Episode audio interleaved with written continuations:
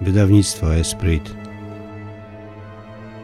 przedstawia podcast na podstawie książki Tomasza Terlikowskiego La Salette. Objawienia, które wstrząsnęły Kościołem.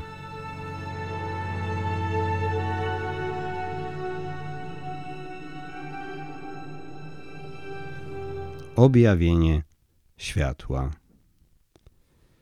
19 września 1846 roku z samego rana jedenastoletni Maksymin Giraud przybiegł do gospodarstwa Jean-Baptiste Prat, by obudzić poznaną dwa dni wcześniej piętnastoletnią pasterkę Melanię Calva, z którą miał tego dnia pasać bydło. Dzieci, choć pochodziły z tej samej miejscowości Kop, nie znały się wcześniej, a zapoznał je dopiero gospodarz chłopca poprzedniego dnia, gdy zaproponował im wspólne pasanie bydła. Maksymin, którego ojciec był rzemieślnikiem, nieczęsto zajmował się pasaniem. Czas spędzał raczej na ulicach miasteczka. Przy wypasie miał pomagać tylko przez osiem dni, a potem wrócić do miasteczka. Z kolei dziewczyna, starsza od niego o całe cztery lata, rzadko, bo tylko wtedy, gdy zima była szczególnie surowa, bywała w miasteczku, ponieważ cały niemal rok pracowała u różnych gospodarzy. Jak doszło do ich poznania? 17 września wieczorem gospodarz Maksymina, Piotr Selm, zauważył, że chłopiec nudzi się w czasie wypasania bydła i wtedy wpadł na pomysł, by zapoznać go z pracującą w sąsiednim gospodarstwie Melanią. Jak pomyślał, tak zrobił. Wieczorem tego dnia chłopiec i dziewczynka zamienili ze sobą pierwsze słowa, a rano, 18 września, wyruszyli na stok góry Plynu. Do południa pracowali jednak osobno. Dopiero po południu zaczęli bawić się razem i rozmawiać, a gdy wieczorem wracali do wioski Ablandi, gdzie mieściły się ich gospodarstwa, na tyle już się polubili, że ustalili, iż następnego dnia też będą pracować razem. Jutro znowu będziemy paśli na górze, zobaczymy, kto pierwszy rano wstanie. Pożegnali się tymi słowami. Jest ranek 19 września. Jako pierwszy budzi się Maksymin i natychmiast biegnie do gospodarstwa rodziny Pra. Tam, gdy obudził już wszystkich, dzieci zjadły śniadanie, a potem, gdy słońce zaczęło dopiero co wschodzić, ruszyły na pola na stoku góry Plenu. Ich dzień wyglądał zupełnie zwyczajnie. Dzieci najpierw pilnowały zwierząt wypasanych na sąsiadujących ze sobą częściach stoku należących do różnych gospodarzy. Piotr Selm na położonej niższej części wzgórza kosił łąkę, a gdzieś nieopodal pasły bydło inne dzieci z okolicy. Była malutka dziewczynka, stąd skop Rosette de la Mindua i dwóch malców z La Salette, ale z innej wioski. Byliśmy razem, ale nasze krowy pasły się osobno, wspominała Melania, składając miesiąc później zeznania na przesłuchaniu, które prowadził ksiądz Lagy, proboszcz Saint-Pierre de Chernay. Około południa dzieci zaprowadziły krowy do wodopoju dla zwierząt, a same, gdy zwierzęta już się napiły, usiadły obok położonego kilkanaście metrów dalej źródełka dla ludzi, gdzie spotkali kilkoro dzieci z miasteczka. Potem zjedli skromny, złożony z razowego chleba i sera tom posiłek, a potem przeszli jeszcze kilkanaście metrów i położyli się na trawie. Zasnęliśmy oboje, jedno obok drugiego, opowiadał Maksymin. Spali godzinę, może trochę dłużej. Jako pierwsza obudziła się Melania, przerażona tym, co mogło stać się z niepilnowanymi przez nikogo krowami. W ciągu siedmiu lat służby wysłuchała wielu upomnień i wiedziała, co znaczy odpowiedzialność. Dlatego przestraszyła się. Opisuje tam ten moment ksiądz Żeno. Zbudziłam Mema. Powiedziałam do niego, chodź szybko do krów, bo nie wiem, gdzie są. Opowiadała o tamtych wydarzeniach Melania. Dzieci podbiegły czym prędzej na szczyt wzgórza, z którego widać było miejsce obok wodopoju. Bydło odpoczywało tam po napojeniu, a dzieci zdecydowały się wrócić do źródełka dla ludzi po zostawione tam rzeczy. Gdy zaczęli schodzić, zobaczyli coś, czego zupełnie się nie spodziewali. Zaczęłam widzieć jasność, opowiadała w pierwszym zeznaniu Melania. A później powiedziałam do Mema, Mema, chodź, zobacz tę jasność. On był o dwa lub trzy kroki za mną. Później zszedł. Gdzie ona jest? Gdzie ona jest? A ja do niego powiedziałam, tam. Podszedł obok mnie, zobaczył ją, a ja powiedziałem do niego, o mój Boże. Dziewczynie z przerażenia wypadł kij pasterski z rąk. Maksymin przyjął rolę obrońcy. Trzymaj kij, Melanio. Ja trzymam mój i zdzielę ją, jeśli ci coś zrobi, krzyknął. Melania posłuchała go, chwyciła kij, ale po chwili oboje znieruchomieli. Zobaczyłam, że jasność się podnosi przez moment. Widziałam ją trochę skrzącą się i migotającą. Była ona jak kula. Kiedy ona zaczęła się poruszać, prawie że nie mogliśmy na nią patrzeć. Ona nas oślepiła, a my przecieraliśmy oczy. Kiedy zaczęliśmy ją widzieć, ona obracała się, przecieraliśmy oczy, relacjonowała Melania. Światło pozostało z nimi do końca tego wydarzenia. Ksiądz Roggio wyjaśnia. Światło jest stałym elementem objawienia w La Salette. To objawienie jest świętem światła. Maksymin i Melania przełamują własny strach przed tym światłem, gdyż zaczynają w nim dostrzegać ludzką sylwetkę, która wydaje się siedzieć na kamieniu w pobliżu źródła i strumyka z twarzą pochyloną ku ziemi i zasłoniętą dłońmi tak, jak ktoś, kto cierpi, źle się czuje. Początkowo jednak dzieci niewiele poza oślepiającym światłem widziały. Jasność podnosiła się do wysokości osoby, była mała i nic nie widzieliśmy, ale kiedy zaczęła się skrzyć, zaczęliśmy widzieć wyłaniające się ze środka jasności ręce i postać, ale nie mogliśmy dostrzec twarzy. Ręce były o tak, jak głowa trochę okrągła, opowiada Melania. Światłość jednak nie znikała. Widzieliśmy wciąż jasność, a kiedy ona się podniosła, miała skrzyżowane ramiona w ten sposób. Nie rozumieliśmy tego, a później zobaczyliśmy, że to była jakby osoba, jakby kobieta. Widzieliśmy dobrze palce i twarz kobiety, ale z uwagi na jej ubiór nie widzieliśmy, kim była, opowiadała wizjonerka. Maksymin był oszczędniejszy w opisie, ale i on, co jasno wynika ze świadectwa, widział to samo. Później nagle zobaczyliśmy kobietę, jasność się obniżyła aż do jej stóp. Melania powiedziała, o mój Boże, co to jest? Gdy to mówiła, obydwoje byliśmy przerażeni. Wspomina chłopak i uzupełnia opis kobiety, którą zobaczyli. Siedziała na kamiennej ławce, tam gdzie byliśmy wcześniej. Łokcie miała oparte na kolanach i twarz schowaną w dłoniach. I właśnie wtedy dzieci po raz pierwszy usłyszały głos. Zbliżcie się, moje dzieci, nie bójcie się, jestem tu po to, aby wam oznajmić wielką nowinę, powiedziała kobieta z kręgu światłości. Maksymin i Melania podeszli do niej i jak sami obydwoje wspominają, od tego momentu nie było w nich już lęku. Bliskość ich i kobiety była niezwykła. Dzieci weszły w krąg światła i mogły jej dotknąć.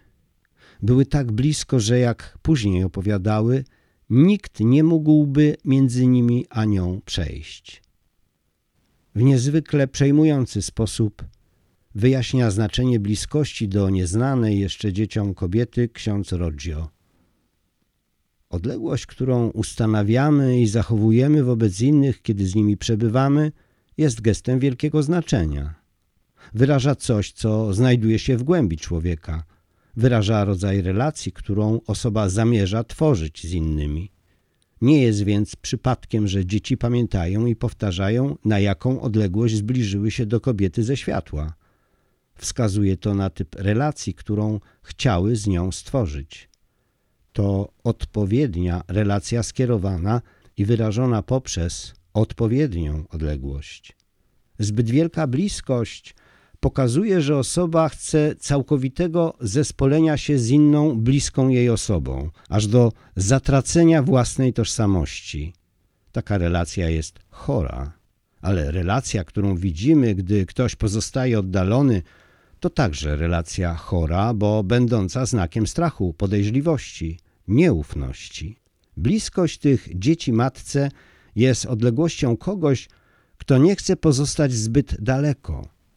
Ta relacja bliskości jest odpowiednia, przemyślana i wyrażona przez odpowiednią odległość, o której dzieci nigdy nie zapomną i która w rzeczywistości jest pierwszą łaską objawienia. Maksymin i Melania to dzieci, których relacje są zranione i chore z różnych powodów, ale tutaj doświadczają czegoś zupełnie nowego, możliwości i rzeczywistości uzdrowienia, zmiany. Po raz pierwszy przeżywają odpowiednią, a więc dobrą relację. Dla dzieci to był moment niezwykły, mistyczny. Wejście w kontemplację. Dzieci nie myślały o niczym, nie zastanawiały się, co się dzieje, ale wchodziły w obecność czegoś, co je zdecydowanie przerastało. O niczym nie myśleliśmy, byliśmy, słuchaliśmy, wspominała Melania. A Maksymin uzupełniał, że nie mieli pojęcia, kim jest owa piękna pani. Myślałem, że to była jakaś pani i że słońce rozświetlało piękne rzeczy, które nosiła, podkreślał. To bycie w świetle, milcząca kontemplacja bez pytań, trwało moment, bowiem zaraz później Matka Boża zaczęła mówić do świadków swojego zjawienia. Jeśli mój lud nie zechce się poddać, będę zmuszona puścić ramię mojego syna. Jest ono tak mocne i tak ciężkie, że nie zdołam go dłużej podtrzymywać. Od jak dawna już cierpię za was. Chcąc, by mój syn was nie opuścił, jestem zmuszona ustawicznie go o to prosić, a wy sobie nic z tego nie robicie. Choćbyście nie wiem jak się modlili i nie wiem co czynili, nigdy nie zdołacie wynagrodzić trudu, którego się dla was podjęłam. Powiedziała kobieta według relacji Melanii. W opowieści Maksymina słowa te brzmią bardzo podobnie, choć on wyraźnie lekko skraca przesłanie. Ramię mojego syna jest tak mocne i tak ciężkie, że nie zdołam go dłużej podtrzymywać. Od jak dawna już cierpię za was, choćbyście nie wiem jak się modlili i nie wiem co czynili, nigdy nie zdołacie wynagrodzić trudu, którego się dla was podjęłam. Miała według niego powiedzieć niewiasta. Dzieci były całkowicie pochłonięte tymi słowami, nie do końca je rozumiały, nie wiedziały kto je wypowiada, ale wchodziły w głębie słuchania i przenosiły się w inny, pozadoczesny, a jednocześnie bliski im codzienny wymiar. Dałam wam sześć dni do pracy. Siódmego zastrzegłam sobie i nie chcą mi go przyznać. To właśnie czyni tak ciężkim ramię mego syna. Woźnice, przeklinając, wymawiają imię mego syna. Te dwie rzeczy tak bardzo obciążają ramię mego syna. Mówi do nich dalej kobieta. To jeszcze nie jest właściwe miejsce, by rozważać znaczenie tych słów. Warto jednak zatrzymać się na moment nad tym, co właściwie dokładnie zostało powiedziane. Maksymin i Melania o wydarzeniach z góry opowiadali wielokrotnie i choć co do istoty są one niezmienne, to niektóre ze słów czy fraz w opowieści się różnią. Związane to jest nie tylko z ogromnymi emocjami, ale także, wiele na to wskazuje, z tym, że Matka Boża Początkowo zwraca się do dzieci po francusku, którego to języka one dobrze nie znają, a dopiero później przechodzi na miejscowy dialekt. I właśnie z tym związane są drobne przesunięcia znaczeń, jakie znaleźć możemy w rozmaitych wersjach owej relacji. W jednych zeznaniach dzieci mówią o tym, że Maryja została zmuszona do modlitwy za grzeszników, a w innych pojawia się sformułowanie zobowiązana – nie trudno dostrzec, że odmienne określenia językowe mogą nas prowadzić do odmiennych interpretacji teologicznych. Zaskakujące są także wypowiedziane przez płaczącą panią słowa, że to ona dała ludziom sześć dni do pracy. Rozważanie dotyczące tej kwestii zostanie podjęte w innym miejscu, teraz zaś skupmy się na tym, co jeszcze usłyszały dzieci. Kobieta mówi dalej: Jeżeli zbiory się psują, to tylko z waszej winy. Pokazałam wam to zeszłego roku na ziemniakach, nic sobie z tego nie robiliście, przeciwnie, znajdując zepsute ziemniaki, przeklinaliście, wymawiając wśród przekleństw imię mojego syna. Będą się one psuły nadal, a tego roku na Boże Narodzenie nie będzie ich wcale. Na twarzy Melanii, w mniejszym stopniu Maksymina, widać brak zrozumienia. W gwarze, którą na co dzień posługuje się dziewczyna, wyrażenie pomme de terre, które po francusku znaczy ziemniaki, kojarzy się wyłącznie z jabłkami, pom, bowiem na ziemniaki mówi się tam latrif. Dziewczyna miała nawet zapytać o znaczenie tego słowa Maksymina, ale wtedy niewiasta, jakby wyczuwając niezrozumienie, zadała jej pytanie: Nie rozumiecie tego, dzieci? A potem powiedziała to samo, ale już posługując się gwarą. Powiem wam to inaczej. Jeżeli ziemniaki się psują, to tylko z waszej winy. Pokazałam wam to zeszłego roku na ziemniakach, ale nic sobie z tego nie robiliście. Przeciwnie, znajdując zepsute ziemniaki, przeklinaliście, wymawiając wśród przekleństw imię mojego syna. Będą się one psuły nadal, a tego roku na Boże Narodzenie nie będzie ich wcale. Jeżeli macie zboże, nie trzeba go zasiewać, bo wszystko, co posiejecie, obróci się w proch przy młóceniu. Nastanie wielki głód. Zanim to nastąpi, dzieci poniżej lat siedmiu będą dostawały dreszczy i będą umierać na rękach trzymających je osób. Inni będą cierpieć z powodu głodu. Orzechy się zepsują, a winogrona zgniją. Jeżeli się nawrócą, kamienie i skały zamienią się w sterty zboża, a ziemniaki same się zasadzą. W tym miejscu narracja wizjonerów biegnie niejako dwutorowo. Każde z nich słyszy, jedno po drugim, słowa skierowane tylko do niego. Gdy niewiasta mówiła do Melanii, Maksymin widział jedynie poruszające się usta, a był na tyle żywym chłopakiem, że zaczął się nudzić i bawić. Gdy słowa kierowane były do Maksymina, Melania także ich nie słyszała. Wizjonerzy otrzymali również wyraźne polecenie, by nie dzielili się z nikim, nawet ze sobą nawzajem, tym, co usłyszeli. Czego dotyczyć mogły tajemnice? I Maksymin i Melania wypowiadali się o nich bardzo tajemniczo. Maksymin w kilku rozmowach powtarzał, że tajemnice te są szczęśliwe i że część z nich wypełni się po końcu świata, a część, w tym te dotyczące jego samego, przed końcem świata. Innym razem, po przedstawieniu grupy teatralnej, które dotyczyło męki pańskiej, Maksymin miał powiedzieć, że właśnie zobaczył część swojej tajemnicy. Melania, przynajmniej w początkowym okresie, także zdecydowanie odmawiała jakiejkolwiek rozmowy o tajemnicy, jaka została jej powierzona. Doskonale pokazuje to przesłuchanie prowadzone przez księdza Laży, które by ukazać determinację dziewczynki, warto przytoczyć tu w całości.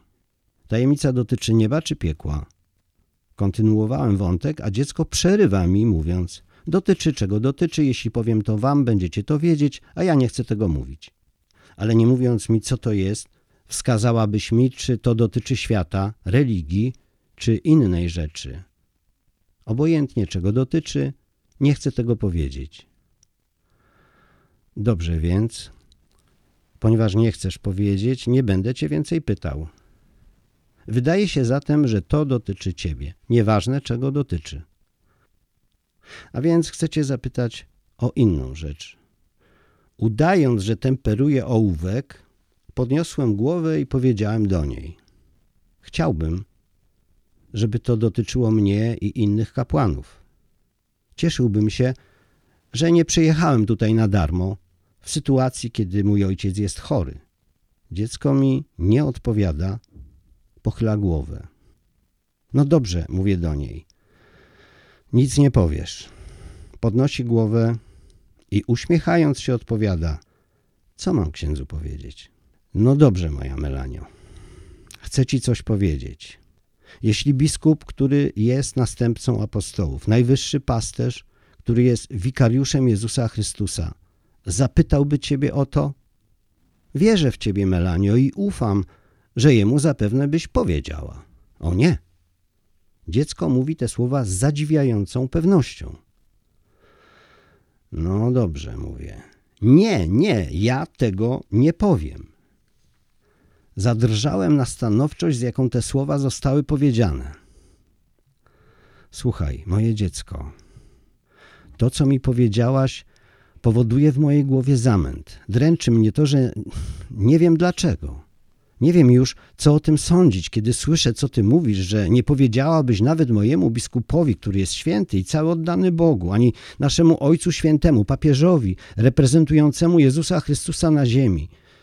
Ja powiedziałbym mu wszystko, co uczyniłem, wszystko, co myślałem, o wszystkich kłopotach, o których czasem trudno mówić zwykłemu człowiekowi żyjącemu na ziemi, a nawet byłbym zadowolony, gdybym mógł im powiedzieć o swoich największych błędach. Dziecko przerywa mi i mówi: Ja też bym im powiedziała, ja też, ale nie to. Objawienie dzieciom tajemnic prywatnych nie zakończyło spotkania. Zaraz potem, po kilku czy może kilkunastu minutach, Matka Boża, której jednak dzieci wciąż nie rozpoznały, wróciła do rozmowy, już w dialekcie z obojgiem. Czy dobrze się modlicie? spytała. One zaś zgodnie z prawdą odpowiadają i tak nieco ulepszając rzeczywistość, że nie bardzo. I wtedy niewiasta nawołuje je, a przez nie cały świat do modlitwy. Mówi: Moje dzieci, trzeba się dobrze modlić rano i wieczorem. Mówcie przynajmniej Ojcze nasz i zdrowaś, gdy nie możecie więcej, ale jak będziecie mogły, módlcie się więcej. Latem na mszę świętą chodzi kilka starszych kobiet, inni pracują w niedzielę przez całe lato. W zimie, gdy nie wiedzą czym się zająć, idą na mszę świętą, aby sobie drwić z religii. W czasie Wielkiego Postu jedzą mięso jak psy. Chwilę potem Zwraca się zaś do wizjonerów z pytaniem, czy widzieli zepsute zboże. Obydwoje odpowiedzieliśmy, że nie, relacjonował Maksymin. Kobieta powiedziała mu, że musiał je widzieć razem z ojcem i dodała Jeden z mieszkańców tego miejsca, chodzi o kłon, powiedział do twojego ojca, chodź zobaczyć zepsute zboże. I ojciec poszedł to zobaczyć. Następnie wziął dwa lub trzy kłosy zboża, potarł je w dłoniach i one obróciły się w proch. Następnie powiedział, o mój Boże, co uczynimy tego roku, jeśli zboże będzie się dalej tak psuło? Twój ojciec nie był więcej jak pół godziny drogi od korp, następnie dał ci kawałek chleba, mówiąc, masz mój mały, jedz chleb tego roku, nie wiem, kto będzie go jadł w roku przyszłym. Powiedziała to do chłopca, a on, przypomniawszy sobie owo wydarzenie, potwierdził, że tak właśnie było. Spotkanie powoli dobiegało końca. Maria zwróciła się ponownie do dwójki wizjonerów i tym razem po francusku poprosiła je, a więc moje dzieci, ogłosicie to całemu mojemu ludowi. Oblicze kobiety było nadal smutne, ale już nie płakała. Maksymin wspominał. Kiedy skończyła mówić, przeszła tuż obok, delikatnie, niedaleko i później uniosła się na taką wysokość, mniej więcej jednego metra. Przeszła przedtem przed nami, a później szliśmy za nią. Z tyłu była cała biała. Nic nie mówiliśmy, a potem się uniosła i nie widzieliśmy już jej głowy, następnie ramion, a później stóp. Było pełne słońce. Kiedy pani już znikła, widzieliśmy wielką jasność w miejscu, skąd się uniosła. Jasność nie trwała długo, małą chwilkę pojawiła się tylko na chwilkę i następnie znikła, a jasność nie była w powietrzu, lecz w miejscu, gdzie pani poprzednio stała. Oto jak opisuje tamte ostatnie chwile objawienia ksiądz Żeno. Mali pasterze ze ściśniętym sercem patrzeli, jak znikało niewysłowione piękno. Uświadomili sobie, że przemija wspaniała chwila i że bardzo pokochali zjawioną. Uświadomili sobie, że gdy ona była z nimi, myśleli tylko o niej, oddychali nią i że zawdzięczali jej najwspanialsze uczucie szczęścia, jakiego nigdy dotąd nie zaznali. Byli gotowi iść za nią na krańce świata, ale oto ona znika w olśniewającej glorii. Po tym znaku poznali, że nie była to zwyczajna kobieta.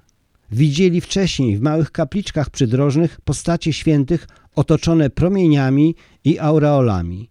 Czy ona nie była jedną z nich? Może to była jakaś wielka święta, powiedziała Melania. Gdybyśmy wiedzieli, że to była wielka święta, poprosilibyśmy ją, aby zabrała nas ze sobą, odpowiedział Maksymin. Następnie podskoczył w górę ku różom, zdobiącym pantofelki pięknej pani, które jeszcze były widoczne, chcąc jedną z nich zatrzymać na pamiątkę. Doznał jednak zawodu. Jego dłoń pozostała pusta. Róże również zniknęły w olśniewającym świetle. Och, gdyby ona jeszcze tu była.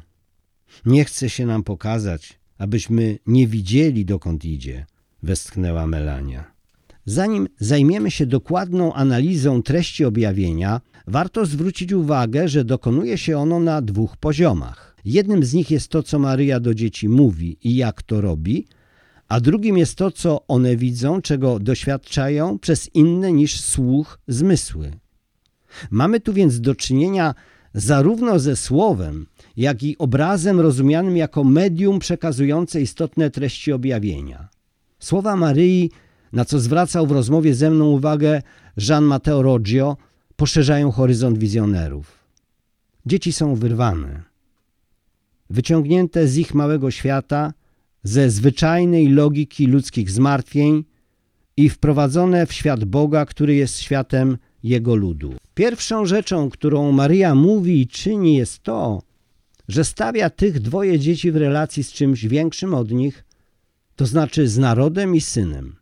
Jeśli naród mój nie zechce się poddać, jestem zmuszona pozwolić, by opadło ramię mojego syna, tak twarde i ciężkie, że nie mogę go już więcej podtrzymać. Jest także wzmianka o przeklinaniu imienia jej syna. Dzieci zostają wyciągnięte z tego, co jest ich codziennym horyzontem i zostają postawione w przestrzeni całego ludu Bożego. Oznacza to, że właściwa relacja, której doświadczają, nie zamyka ich w samych sobie, ale raczej otwiera je i czyni solidarnymi z wieloma innymi, których nawet nie znają osobiście. One same są powołane do przyjęcia rzeczywistości w inny sposób niż wcześniej. Ponieważ owa właściwa relacja otwiera im oczy na innych i otwiera im na syna, jeśli naród mój nie zechce się poddać, jestem zmuszona pozwolić, by ramię mojego syna opadło. Wszystko to jednak dokonuje się na poziomie słowa. Dzieci nie widzą ani zboża, ani zniszczenia, a jedynie pełną światłość, w której się znajdują i płaczącą kobietę, której z powodu braków formacji religijnej nie są w stanie zidentyfikować. Saletyn zaznacza, to czego doświadczają wizjonerzy realizuje się nie tyle poprzez to, co widzą, ile przez słowo. Zarówno naród, jak i syn zostają uobecnieni przez słowa, które wypowiada Maryja. Tak więc dzieci muszą nauczyć się odnosić do słów i do słowa. Nasza właściwa relacja z Chrystusem, z Kościołem i ze światem przychodzi poprzez pośrednictwo słowa. Jest to dla dzieci bez wątpienia wielką nowością. One były bowiem bardziej przyzwyczajone do patrzenia niż do słów. Rzeczywiście zwierzęta, które prowadziły na pastwiska muszą być nadzorowane wzrokiem. Na pewno nie można z nimi rozmawiać. A pilnowanie zwierząt nie sprzyjało rozmowom, które rozpraszały. Ten brak rozmowy sprawiał, że ich świat ograniczony był do tego, co każde z nich widziało w swojej indywidualności. Natomiast tutaj jest ta otwartość na zupełnie inny wymiar. Ale poza tym, co wizjonerzy słyszą i co mają zapamiętać i przekazać, jest jeszcze to, co widzą i co także głęboko zapadnie im w pamięć. Tym, co zapadło im szczególnie w pamięć, było światło, które otaczało niewiastę, w które oni weszli i które ich oślepiało. Kobieta była bardzo wysoka, wyższa niż, tak wspominali wizjonerzy, jakakolwiek kobieta, jaką widzieli. Jej twarzy nie byli w stanie zobaczyć. Oślepiał ich bowiem blask od niej bijący, ale za to dokładnie opisywali jej strój. W opublikowanych wspomnieniach wizjonera znajdziemy następującą wzmiankę. Miała białą suknię przetykaną perłami, miała duży krzyż o długości około 25 cm. Dziecko pokazuje mi jako przykład długość szpady na statuetce. Wisiał na szyi aż do skrzyżowanych rąk, a na ramionach krzyża widać było młotek i obcęgi. Miała białą chustę z różami na wierzchu, jak gdyby były one połączone jedne z drugimi girlandą, ułożoną w taki sposób, że kończyła się na skrzyżowanych ramionach, przechodząc uprzednio na piersiach, ramionach, dochodząc wreszcie do końca chustki na wysokości pasa. Były tam duże i małe róże. Miała szeroki łańcuch na trzy palce. Łańcuch był rudy, rdzawy, płaski, przechodził obok girlandy róż płaski jak te, które kobiety noszą na szyi. W relacji Melanii płacząca pani nie miała płaszcza, a zamiast tego chustę. Mówi, miała tylko chustę białą jak suknia, która usiana była perłami. Chusta ich nie miała. Chusta spadała na ramiona, otoczona różnokolorowymi różami, każdego rodzaju kolorami. Najwięcej trudności sprawiło dzieciom opisanie nakrycia głowy, jakie miała spotkana piękna pani. To był biały, duży czepek. Miała koronę. Były róże z innymi pięknymi rzeczami. Była jak gdyby podniesiona, to znaczy jak gdyby nie była niczym podtrzymywana. Miała perły jak gwoździe, nie były przytwierdzone na czepku, wspominał Maksymin. Na piersiach znajdował się prawie 30-centymetrowy krzyż, na którym widniały, ale nie przymocowane czymkolwiek, obcęgi i młotek, czyli narzędzia męki pańskiej. To właśnie krzyż najbardziej promieniał, z niego pochodziła ogromna światłość, która oślepiała dzieci. Połysk krzyża był silniejszy od reszty, a postać Chrystusa jeszcze bardziej błyszczała od krzyża, wspominał Maksymin jeszcze w 1800 1962 roku. Melania zaś dodawała także w późniejszych przesłuchaniach, że Chrystus na krzyżu ukazał się żywy i krwawiący. Tym, co zwróciło uwagę wizjonerów, był także smutek pięknej pani. I Maksymin, i Melania mówią o jej głębokim, szczególnym smutku. Inaczej go jednak postrzegają. Melania zapewnia, że kobieta płakała, a z każdym rokiem, z każdym kolejnym opisem dodaje nowe szczegóły dotyczące owych łez. W 1853 roku pisała w liście, że łzy Matki Bożej nie spadały na ziemię, one znikały jak iskry ognia. Tak, pamiętam i to dobrze, łzy ginęły w świetle. Pisała w innym miejscu. Maksymin jednak nie dostrzegał łez, a jedynie wnioskował z tonu głosu, że piękna pani płakała. Przeczytajmy zapis rozmowy, jaką przeprowadzono z widzącym w 1862 roku. Czy zauważyliście łzy u świętej dziewicy? Odpowiedź: Nie, ja wcale nie widziałem. Jednakże według bardzo dokładnych notatek księdza Leży wygląda na to, że pan je musiał widzieć, ponieważ po objawieniu powiedział pan do Melanii, że miał pan ochotę powiedzieć do pięknej pani, żeby już nie płakała, bo wy obiecujecie jej służyć pomocą. Odpowiedź: Nie widziałem jej płaczącej, ponieważ nie dostrzegałem jej twarzy. W takim razie, jak pan mógł ją prosić, aby nie płakała? Jak pan mógł wiedzieć, że pani była smutna i że płakała? Odpowiedź: Z brzmienia jej głosu to poznałem. Jej głos był bardzo łagodny i miły, ale jednocześnie można było wyczuć smutek i łzy osoby bardzo strapionej. A więc Stąd pan wydedukował, że ona płakała. Odpowiedź? Tak. Gdy objawienie dobiegło końca, niewiasta uniosła się w górę, a światłość rozwiała się. Dzieci wróciły do swoich zwyczajnych zajęć. Melania przeszła obok, a ja z drugiej strony, by napoić krowy, a później już razem zeszliśmy do wsi, opowiadał Maksymin. I powiedzieliśmy do siebie, że to było bardzo piękne. Ja dodałam, że to musiała być jakaś święta. Mema na to nie wiem. I wróciliśmy na łąki paść krowy. Nie rozmawialiśmy z innymi pasterzami, których widzieliśmy trochę dalej z krowami. Uzupełniała relację Melania. Gdy dzieci wróciły do swoich gospodarstw, chłopiec natychmiast pobiegł pobawić się z kolegami, którym o objawieniu nic nie powiedział.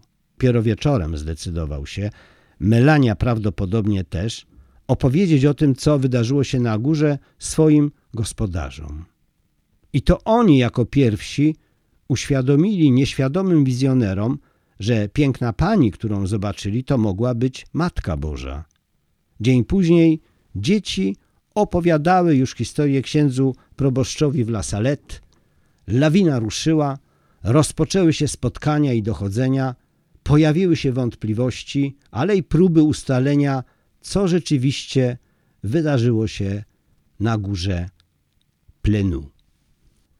Ogólne i powszechne przekazane wszystkim objawienie to jednak nie wszystko, co otrzymali wizjonerzy na alpejskim wzgórzu. Oboje otrzymali także osobiste, prywatne tajemnice, które przeznaczone były tylko dla nich. Zaraz po objawieniu oboje niezwykle mocno bronili dostępu do treści owego sekretu i to pomimo, iż od samego początku badający prawdziwość objawienia kapłani robili wszystko, by ją poznać. Już w 1851 roku arcybiskup Lyonu kardynał Louis-Jacques Maurice de Bonald domagał się od biskupa Grenoble, by ten uzyskał od dzieci zeznania przeznaczone dla papieża Piusa IX dotyczące owej tajnej części otrzymanych objawień. I choć sam Ojciec Święty nic o takim poleceniu nie mówił, to wobec świadków zastosowano swoisty szantaż emocjonalny, powołując się na rzekome polecenie papieskie. Zapoczątkowało to wyciąganie od nich treści objawienia. Tajemnice, jak podkreślał w rozmowie ze mną ksiądz Gian Matteo Roggio, zostały wymuszone od dzieci podstępem i niezaprzeczalną psychologiczną przemocą. Zrobiono wszystko, by dzieci uwierzyły, że ujawnienie tych prywatnych słów było niezbędne do uznania objawienia oraz że nawet sam papież, błogosławiony Pius IX, chciał je poznać. I tak rozpoczął się proces, w którym tajemnice od słów wypowiedzianych wyłącznie do tych dzieci przekształciły się w słowa skierowane do innych. Ponieważ objawienie ma przesłanie niełatwe do zrozumienia, wielu myślało, że tajemnice mogłyby być kluczem do zrozumienia objawienia. I podobnie, sprowokowani przez ludzi Kościoła, zaczęli myśleć także Maksymin i Melania. Szczególnie dobrze widać to u wizjonerki.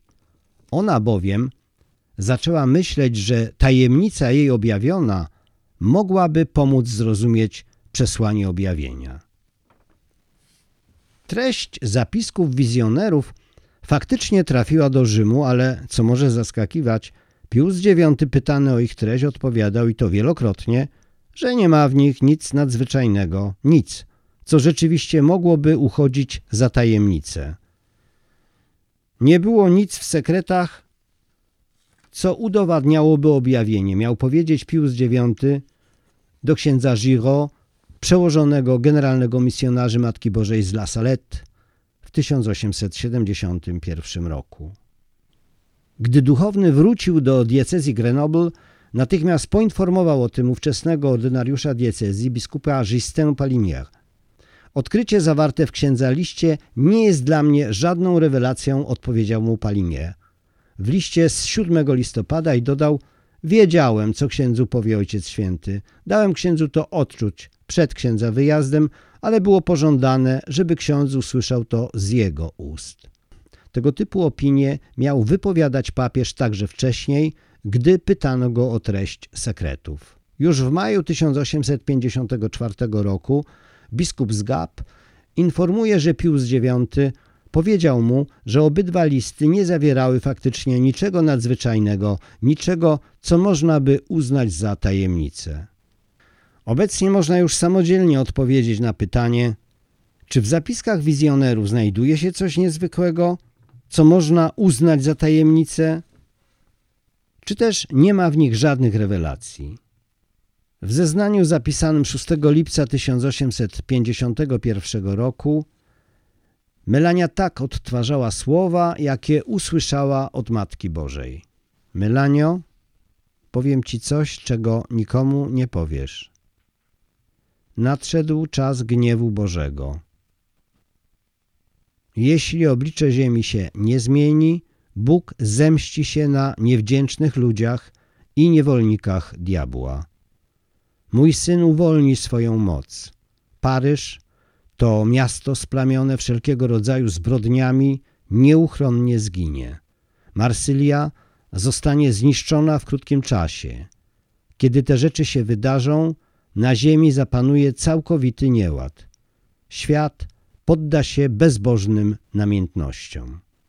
Dalej Matka Boża ostrzegała. Papież będzie prześladowany ze wszystkich stron. Będą do niego strzelać. Będą chcieli go uśmiercić, ale nic mu się nie stanie i tym razem wikariusz Boży znowu zatriumfuje. Kapłani, zakonnice i prawdziwi słudzy mojego Syna będą prześladowani, a wielu umrze za wiarę w Jezusa Chrystusa. Nie zabrakło także odniesień do ówczesnej sytuacji Francji. Maryja miała zapowiedzieć, że na tron wstąpi wielki król, za czasów którego religia znów rozkwitnie i rozprzestrzeni się po całej ziemi, jednak krótko potem świat powróci do nieporządku, nieładu, ludzie porzucą Boga i oddadzą się namiętnościom. Głęboki kryzys nie ominie także Kościoła. Wśród sług Bożych i oblubienic Jezusa Chrystusa będą tacy, którzy pogrążą się w nieporządku, a to będzie najstraszniejsze. Wreszcie na ziemi zapanuje piekło. Wtedy antychryst narodzi się z zakonnicy, ale biada jej. Wielu ludzi w niego uwierzy, bo powie, że przyszedł z nieba. Biada tym, którzy mu uwierzą. Relacjonowała Melania. Zeznanie Maksymina dotyczące widzenia otrzymanego w sekrecie jest krótsze, ale znajdziemy w nim podobne elementy. Wizjoner mówi o zamieszaniu w kościele, o prześladowaniu papieża, ale dodaje, że pojawi się papież, którego nikt się nie spodziewa. Francja, jeśli się nie nawróci, to pewnego dnia zostanie ukarana. Tak Maksymin relacjonuje zapowiedzi Matki Bożej i dodaje, wiara we Francji wyginie. Trzy czwarte Francuzów straci wiarę, a jedna czwarta będzie praktykować wiarę źle.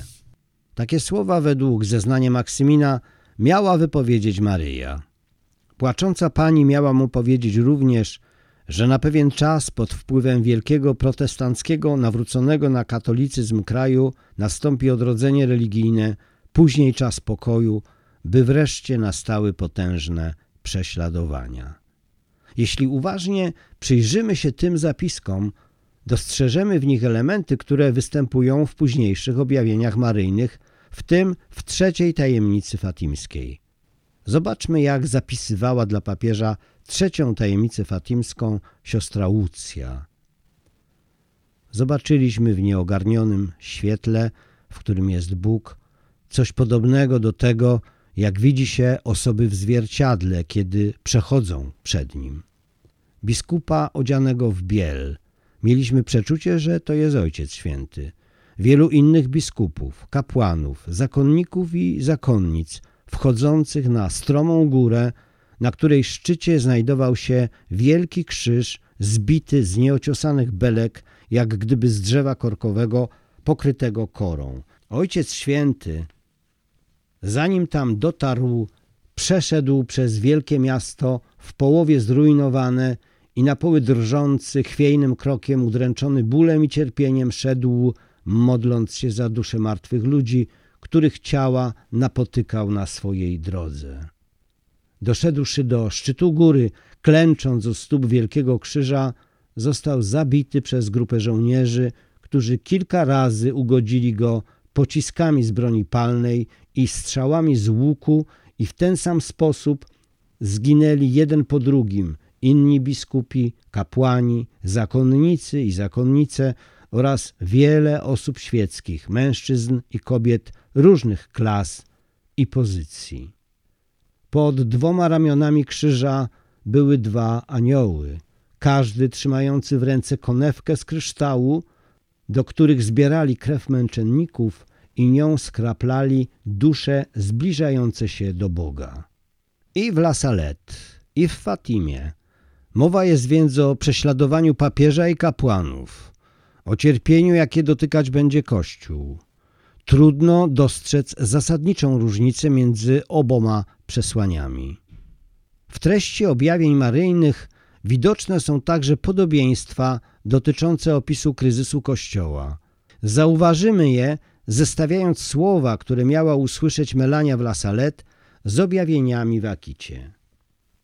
Matka Boża w sekrecie z La Salette mówi o nim krótko, ale mocno, natomiast w objawieniu w Japonii sugestia dotycząca głębokiego podziału w Kościele, a także dotykającego go odstępstwa od wiary jest bardziej rozbudowana. Działanie diabła będzie przenikało także do Kościoła w taki sposób, że będzie się zdarzało, iż kardynałowie będą przeciwko kardynałom, biskupi przeciwko biskupom. Kapłani, którzy mnie czczą, będą pogardzani i będą natrafiali na przeszkody ze swoich współbraci. Kościoły i ołtarze będą plądrowane. Kościół będzie pełen tych, którzy pójdą na kompromisy i diabeł będzie skłaniał wielu kapłanów i wiele dusz konsekrowanych do porzucenia służby Panu. Szatan będzie szczególnie zaciekły przeciwko duszom poświęconym Bogu. Powodem mojego smutku jest myśl o utracie tak wielu dusz. Jeżeli grzechy będą się mnożyły oraz stawały się coraz cięższe, nie będzie dla nich przebaczenia. Mówiła Maryja do japońskiej wizjonerki i wzywała wielokrotnie do modlitwy za papieża i kapłanów. Język obu objawień jest odmienny, ale trudno nie dostrzec wspólnych elementów.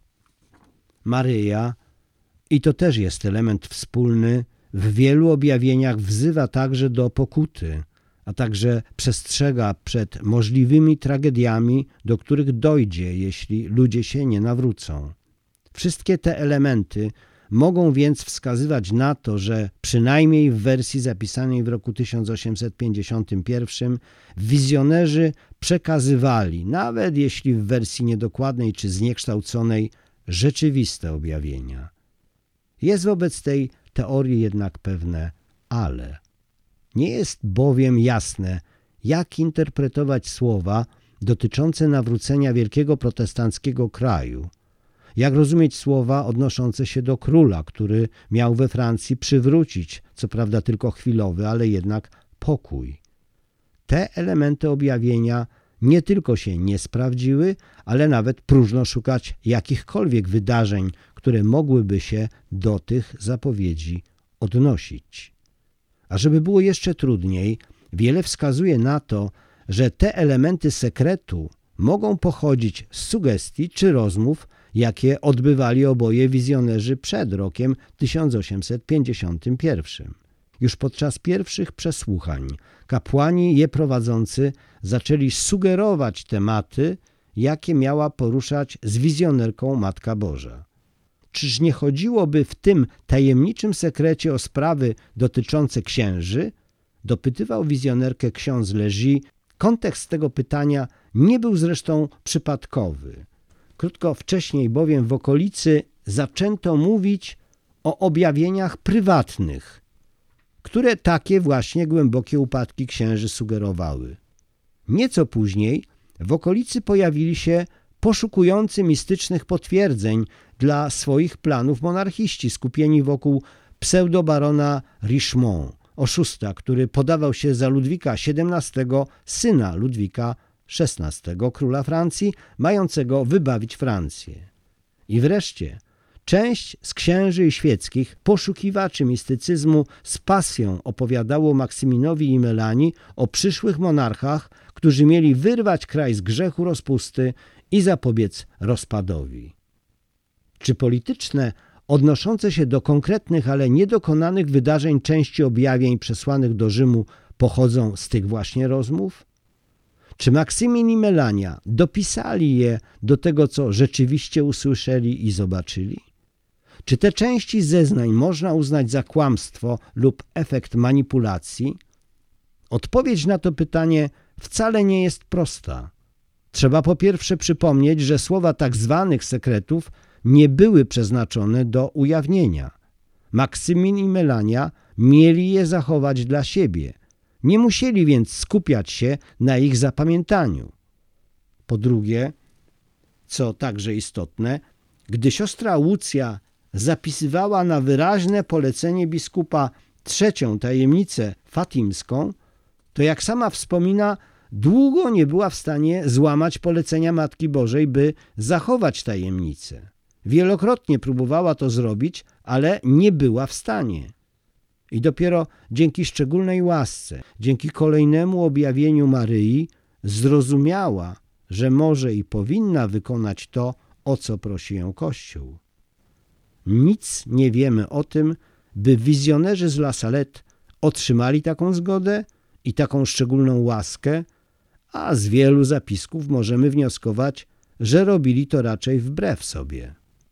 Już tylko z tego powodu możliwe jest, że w ich relacje wdarły się także związane ze specyfiką ludzkiej pamięci, nieścisłości czy nowe elementy.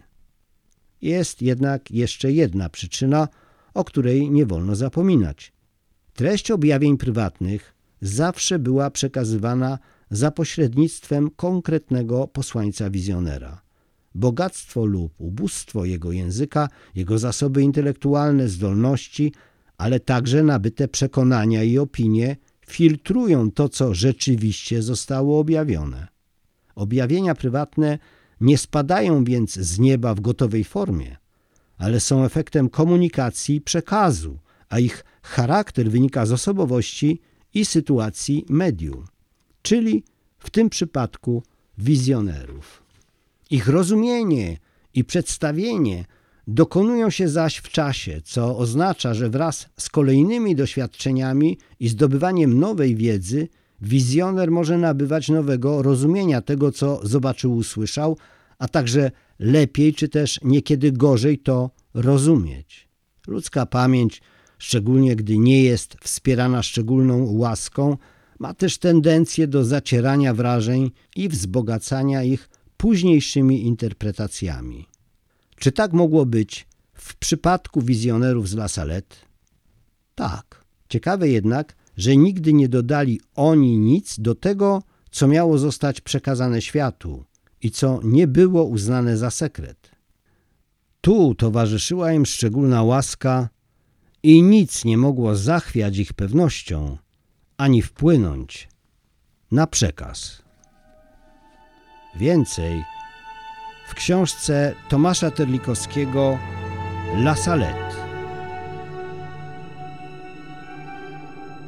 Objawienia, które wstrząsnęły Kościołem. Wydawnictwo Esprit.